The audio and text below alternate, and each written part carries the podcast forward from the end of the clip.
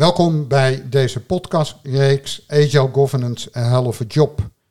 Aan tafel zit Marjolein Veringa en Jeroen Venema, auteurs van het boekje Agile Focus in Besturing. Mijn naam is Bert van der Hoofd. Welkom uh, uh, Marjolein en Jeroen. Welkom aan boord. Dank je.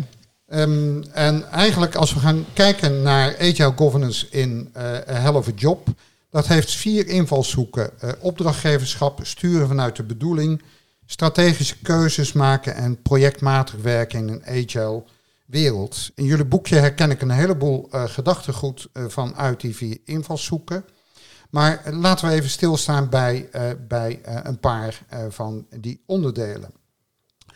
Als je gaat kijken naar opdrachtgeverschap, jullie hebben fors gesleuteld met jullie boekje uh, wat uh, zo in de binnenzak van de bestuurder terecht kan komen uh, over opdrachtgeverschap. En als je dat kijkt en ook toepast, niet alleen op de zakenwereld, maar ook op bedrijven, maar ook op organisaties en publieke overheden. Wat, wat, is de centrale boodschap die je daar zou willen geven in het kader van, van opdrachtgeverschap? Zal ik daar iets over, over zeggen?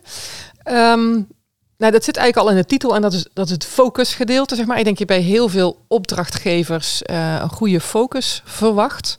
Um, een goede opdrachtgever is ook best wel een kunst. Dus um, uh, waar we eigenlijk hier um, in het boekje over spreken van hoe kan je als leidinggevend kader, en dat maakt eigenlijk niet zoveel uit in wat voor soort organisatie je werkt, of dat nou in de overheid is of in de zorg of in een commercieel bedrijf, hoger management geeft opdrachten. Dat is een van de dingen die ze doen. Zij stellen daar kaders in. En wij hebben eigenlijk een manier bedacht van hoe kan je dat ook op een agile manier doen. Hoe kan je ook als executive daarop aansluiten als je dat in de rest van je organisatie ook op die manier wil organiseren. En dat is dus het, het focusgedeelte daarin van hoe um, maak je nou heel duidelijk wat belangrijk is, wat ook de komende maanden belangrijk is. Dus hoe vertaal je je strategie, wat soms, nou ja, weet ik veel, soms wel tien jaar vooruit ligt. Maar hoe hak je dat weer in stukjes van, oké, maar over tien jaar is nog heel ver weg. Wat moeten we dan eigenlijk vandaag doen? Wat moeten we over drie maanden doen? Wat moeten we deze maand doen? Eigenlijk, wat moeten we morgen doen om over tien jaar daar te staan waar we willen staan? En ik denk dat dat ook voor executives belangrijk is. Hoe geef je daar kader aan? En wij hebben een boekje proberen uh, praktisch te maken hoe je dat goed kan organiseren. Misschien aanvullend, hè? en ik denk opdrachtgeverschap. Dat, eh, dat klinkt eenvoudig, hè? dus dan denk je aan, aan één opdrachtgever of wie is mijn opdrachtgever in, uh, in de context waar je in zit. Maar er is eigenlijk een gelaagdheid van opdrachtgeverschap. Uh, zeker als je het bekijkt vanuit een, vanuit een directie. Uh, Marjolein noemde al van, hè, dus het, wat wil je bereiken in de verre toekomst en hoe maak je dat kleiner en hoe zet je stappen daar naartoe. Maar ook de, de mensen in de organisatie die met elkaar daarop samenwerken. En ja, in het boekje gaan we in op hoe uh, heb je hulpmiddelen om dat met elkaar te verbinden en daar inderdaad de focus in aan te brengen. Dat je ja, niet alles tegelijk doet, maar dat je je eerst richt op de belangrijkste dingen. De dingen die de meeste waarde opleveren. Mag ik dat zo ook lezen als, eh, dat denk ik te herkennen in jullie boek, dat uh, de opdrachtgever de dialoog uh, organiseert en faciliteert? Wat bedoel je dan precies met de dialoog? Het gesprek over waar, waar zijn we, waar gaan we naartoe en wat pakken we als eerste op, is dat het gesprek naar de bestuurskamer brengen of juist naar de werkvloer? Ja, nou, misschien. Ja, ja. Ik, zie, ik, zie, ja ik, zie, ik zie dat het roept bij mij gelijk één. Uh, een, een, een beeld op. Uh, en, en dat is eigenlijk wel mooi, want dat heeft inderdaad met die dialoog uh, te maken. Uh, en dat heeft, is, is ook die gelaagdheid. Dus als je in de directie bezig bent en kijkt van hoe kunnen we daar focus in aanbrengen, hoe verdelen we niet de, de, de, de doelen die we willen bereiken of de KPI's waaraan gewerkt wordt, maar hoe brengen we daar verbinding in? Wat moeten we gezamenlijk realiseren? En waar zit de samenwerking op? Uh, dan is dat een dialoog die op dat niveau al opgestart wordt. Want daar kan eigenlijk al een opsplitsing uh, plaatsvinden. Uh, maar het gaat nog één stapje verder. Het helpt ook mee om de dialoog op te starten naar de lagen daaronder. Dus een directie met zijn managementteam. Ja, op het moment dat daar de dialoog goed start en de verbinding van daaruit naar directie gemaakt wordt, ja, dan beginnen puzzelstukjes in elkaar te vallen. En uh, ja, dat is inderdaad wel de dialoog die daar plaatsvindt om die focus aan te brengen. Ja.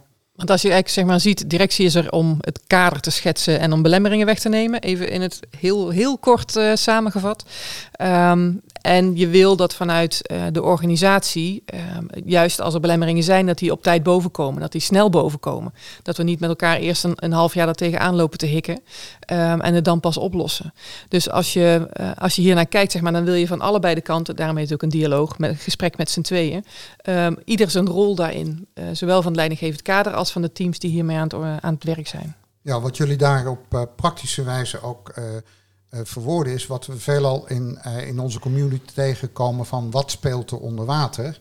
Ja, dat is jullie instelling ook om dat eigenlijk zichtbaar te maken. Van jongens, laat het boven water komen, dan kan je er ook richting aan helpen geven. Ja, dus als je de, de shit is er toch, dus we hebben het allemaal op tafel, zo, zo simpel is het. En door um, het heel transparant te maken wat we met elkaar aan het doen zijn, en dat is natuurlijk ook wel, ja, een van de drijfveren die binnen Agile zit, van maak de dingen transparant. Deze borden helpen er ook in om dat transparant met elkaar te maken. Wat doen we, wanneer, lukt dat wel of niet om af te hebben?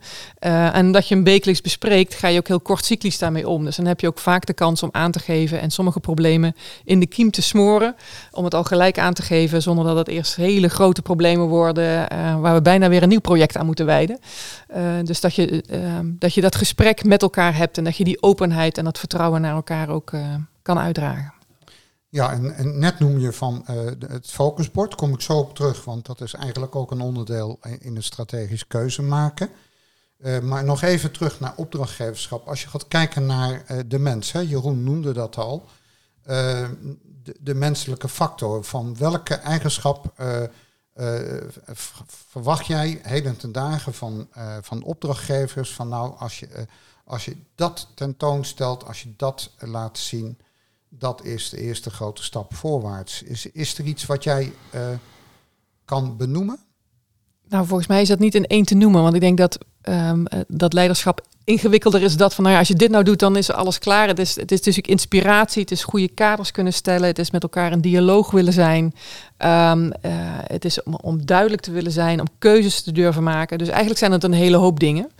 Um, uh, wat we in het boek ook bijzetten, zeg maar, is een, is een agile manifesto voor executives. Om ook aan te geven van ja, maar hoe verandert jouw werk nu Um, als je in het hoger management zit, uh, ten opzichte van wat je eigenlijk altijd deed. Dus eigenlijk het verschil tussen we zitten altijd in vergaderingen met elkaar uh, te werken, naar ga meer naar de werkvloer, want dan weet je meer wat er speelt. Dus ga naar stand-ups van andere teams, zodat je daar hoort wat er speelt.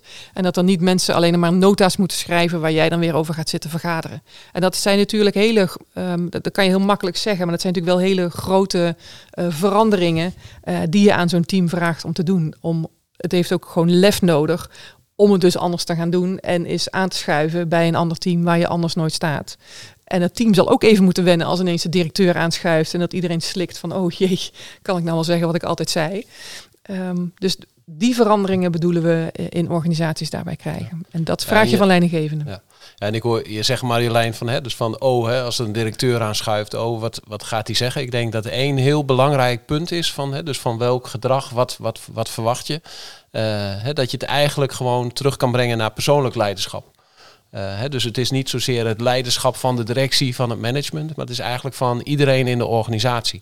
En als je het zo klein maakt, dan kan je die vraag ook vertalen naar van oké, welk gedrag uh, verwacht je eigenlijk van iedereen in de organisatie. En dan is de directie, het management, is niet een, een aparte entiteit uh, daarin. Uh, heel veel dingen die je ja, kan verklaren of kan benoemen vanuit, vanuit een medewerker, ja, die kan je ook zo neerleggen. Dus, ja, en dan zijn het zaken als, als samenwerking, één voelen, een team voelen, met elkaar geen drempels.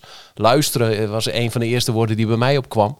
Hè, dus niet zeggen alleen van wat er moet en je eigen beeld er neerzetten, maar ook een luisterend oor zijn en dingen bij elkaar brengen. Ja, dat zijn volgens mij mooie punten die, uh, ja, die je in een organisatie in beweging wil brengen. En verwacht je van opdrachtgeverschap dan ook in dat kader, even los van de voorbeeldrol die jullie vullen, hè, van Be the Change staat ook in jullie boek, uh, weer, weer, geciteerd. Verwacht je daar ook kwetsbaarheid van? Is dat iets wat ja, ja, zeker. Ja, ja kwetsbaarheid. want dat is ook uh, zo'n, als je het hebt over zo'n voorbeeldrol. Uh, op het moment dat, uh, nou ja, dat vanuit een directie en management niet die kwetsbaarheid getoond wordt, dan ja, cascadeert dat gedrag door in de organisatie. Dus, en het is, het is een heel mooi punt, want het is vaak, vaak lastig. Als je kijkt van een organisatie, ja, dan, dan moet daar vertrouwen zijn. Eigenlijk is vertrouwen een van de basiselementen die je nodig hebt om ook kwetsbaarheid te kunnen tonen. Dus ja, er zijn een aantal randvoorwaarden. En, maar ja, als je dat niet hebt, ja, dan wordt het heel lastig om die verbetering in een organisatie te realiseren. Ja, want ik vind ook juist, het is goed om te zien dat iedereen in de organisatie weet andere dingen. Dus je kan niet als directie uh, alom, alomvattend, alleswetend, uh, nooit fouten makend, dat bestaat gewoon niet. Dus het is juist leuk om um, met elkaar die dialoog te hebben. Want degene die in de teams aan het werk zijn, die weten wat er bij de klant of de cliënt of de burger of hoe je het ook noemt, wat daar speelt en wat daar nodig is. En die kan het weer terugbrengen aan directie doordat daar goed beleid voor komt. En um, nou, dus het werkt vice versa en dat heb je met elkaar nodig. Ja. En als je gaat kijken naar wat jullie noemden net, uh, beide uh, cascaderen, hè? dan schakel ik even door naar uh, strategische keuzes maken binnen het agile governance thema. Um, jullie focusbord is uitgebreid ook besproken in een andere podcast, maar daar zit ook die cascadering in. om met name daar ook strategische keuzes, en ik meen te herkennen over alle niveaus heen, mm. Uh, op te roepen. Klopt, klopt dat? Is dat een juiste interpretatie? Ja, zeker. Je kan eigenlijk het, het woord op verschillende niveaus gebruiken. Ik bedoel, ieder, ieder team heeft uh, zijn eigen doelen. Uh, dus het, het, directieteam heeft um, de, de, doelen op het hoogste niveau. Het team daaronder heeft doelen op zijn niveau daarin. En zo kan je dat verder doorvertalen. Dat bedoelen we met cascaderen. Altijd zo'n lastig woord, zeg maar. Um, en belangrijk daarvan is, is dat je snapt welk deel jij bent in het geheel. Dus um, als ik mijn doelen zie, die kan ik eigenlijk plotten op het bord wat boven mij staat, van het MT, wat daar uh, weer een stapje hoger is. Dus dan zie je heel goed wat mijn deel is in het geheel. Wat is mijn aandeel in het bereiken van de strategie? En we weten dat mensen dat heel erg prettig vinden, dat je ziet uh, dat het nut heeft wat je doet. En um, dat wat jouw radartje is om in de grote organisatie met elkaar te zien wat we bereiken. Ja. Uh, strategische doelen, dat is, hè, dus eigenlijk mooi, maar mijn ervaring is, uh, de, die worden ervaren op elk niveau. dus als je een afdeling binnen de organisatie hebt, dan, nou ja, dan zie je dat die het hebben over hun strategie, hun strategische doelen. Uh, maar als je de context breder maakt en uiteindelijk naar de hele organisatie kijkt en bij de directie uitkomt, ja, dan kom je op de strategie van, van, van het bedrijf, van de organisatie. Uh, maar doordat we het op elk niveau hebben over die strategie en de strategische doelen, uh, en op elke plek worden er weer nieuwe woorden voor verzonnen, ja, ontstaan er allerlei overlap, onduidelijkheden in hoe dat met elkaar in verband staat. En juist die cascadering van focusborden helpt ook mee om dat met elkaar te verbinden en daar eenheid in te brengen en focus. Ja, en een van de dingen die ik, eh, die ik denk te herkennen, maar niet, niet expliciet beschreven staan. Want kijk, um, um, we hebben natuurlijk cascades van KPI's, die kennen we langer. Jullie betogen jullie boek meer ervoor. Nu ken ik uh, Jim Collins, die met zijn B-hacks, Big Harry Audacious Go, elk niveau heeft zijn eigen grote gewaagde doel. Is dat ook in jullie gedachten zo van dat je dat eigenlijk op alle niveaus naast de KPI's eh, in balans moet hebben? Nou ja, want het lijkt me heel raar als je dat niet in balans hebt, want dan, dan rent ieder uh, team achter een uh, andere Big Harry doel aan. Um, en dan krijg je ja, op totaalniveau niet wat je zou willen hebben. Dus um, ik denk vanuit een directie is natuurlijk het, het het, het beleid wordt daar vastgesteld van, joh, dit willen we met elkaar bereiken, hier willen we met elkaar heen. En maak daar uitdagende doelen voor, voor alle teams, zodat die zich ook uitgedaagd voelen uh, in wat er te doen staat. Ik denk dat dat heel gezond is. Maar het moet wel bij elkaar optellen. Dat is ook wat Jeroen net zei. Als, als iedereen een beetje uh, zijn eigen ding gaat lopen doen, ja, dan had je met elkaar ook geen één organisatie moeten hoeven zijn. Dus het gaat wel om het bij elkaar brengen. En, nou ja, en met elkaar bereik je meer. Dus als het totaal van teams optelt tot een heel mooie Big Harry KPI, nou, dan lijkt me dat hartstikke mooi. Ja. Misschien aanvullend, want hè, als je kijkt naar KPI's, nou ja, daar loop je continu tegenaan op, op dit soort niveaus. Hè. Er wordt heel veel op de KPI's uh, gestuurd. En in het boek, en, en dat is ook mijn ervaring in de praktijk, hebben we geprobeerd om, om echt een onderscheid te maken tussen doelen die je wil bereiken en de KPI's waaraan je ziet of je doelen bereikt. Uh, en bij de doelen ook het gesprek te starten voordat je naar de hele lijst van KPI's kijkt, die er vaak al ligt en die ook nou, uh, groter is dan dat je vaak verwacht. Er komen ook van allerlei elementen bij. Maar als je het eerst hebt over de doelen en zegt van wat wil je nu bereiken? En als jij op een zeepkist gaat staan en eenheid wil brengen, mensen wil verbinden in van waar werken we naartoe? Uh, ja, en als je dat goed kan verwoorden, ja, dan is dat uitgangspunt helpt ook mee om een selectie te maken uit KPI's die dan de handvaten geven om te zien dat je ook je doel gaat bereiken, die het dashboard gaan vormen. Ja, nu, nu schrijven jullie in je boek uh, dat de missie en visie uh, moeten aansluiten. Aan de andere kant hebben jullie het ook over de gouden cirkel van de Sinek, hè, met de why, de how en de what. De why voor waarom, wat is onze kernovertuiging even in mijn woorden. De how is, is welke principes sturen we mee en de what is uiteindelijk wat je doet. hoe kijken jullie naar de missies en visies van vele organisaties? Is dat wel daadwerkelijk een een why en zit er wel een how in? Nou wat Sinek eigenlijk zegt is, de, de meest succesvolle organisaties hebben die why goed doorvertaald. Als je goed kan uitleggen waarom je doet wat je doet, spreekt dat meer mensen aan. Dan, um, en omdat het meer mensen aanspreekt, ben je als organisatie succesvoller. Um, hij, hij verkondigt het nog steeds. Dus ik denk dat er nog steeds veel organisaties zijn die dat ongetwijfeld beter kunnen doen. Het is ook lastig om dat goed te vertalen. Waarom doe je wat je doet? Het is vaak niet alleen geld verdienen. Vaak zitten daar heel veel andere dingen natuurlijk nog aan. Um, maar als je dat in, en dat is bijvoorbeeld ook wat McKinsey zegt, in, in hun veranderstrategie begint met een compelling story. Dus echt met een, met een verhaal uh, waar, waar mensen zich in kunnen herkennen. Waarin ze denken van ja, daar wil ik onderdeel van zijn.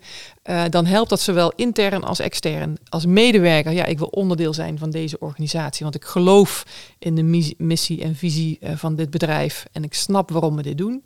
En klanten willen bij je um, kopen of je dienstverlening afnemen of hoe je het ook noemt. Uh, omdat dat een organisatie is waar je bij wil horen, wat je, wat je, uh, ja, waar je misschien soms ook mee vereenzelvigt. En ik denk dat heel belangrijk is en ook superkrachtig is. Um, uh, omdat het iets anders aanspreekt dan de ratio, maar het spreekt mensen in het hart aan. En, en eigenlijk willen we dat ook allemaal het liefst, eh, denk ik.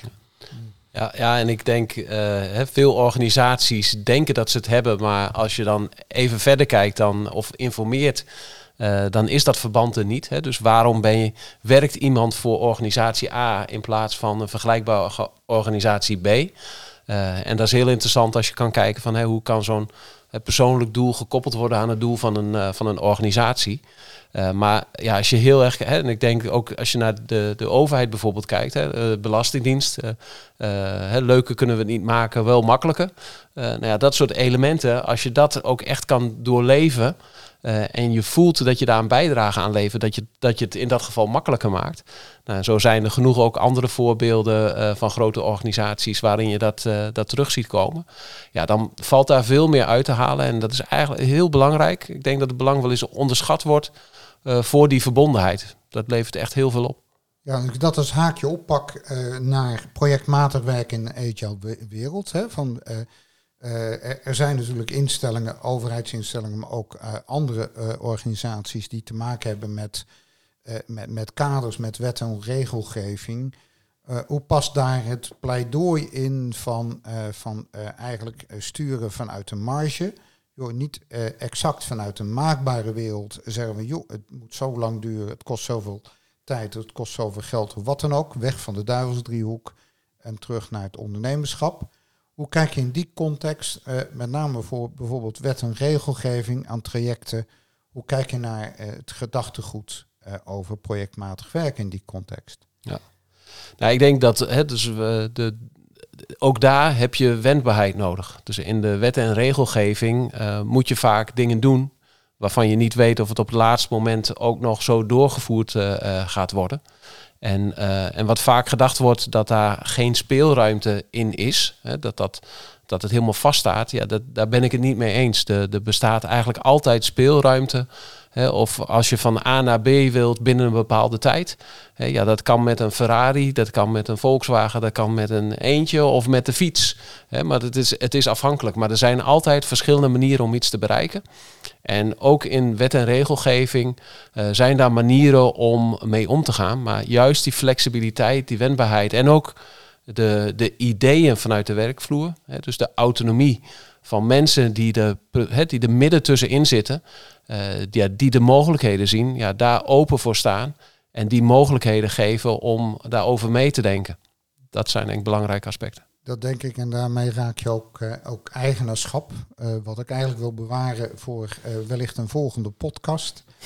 voor nu zou ik Marjolein en Jeroen willen bedanken voor deze podcast.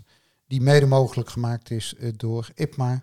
En ik zou zeggen, blijf ons volgen. Tot een volgende keer.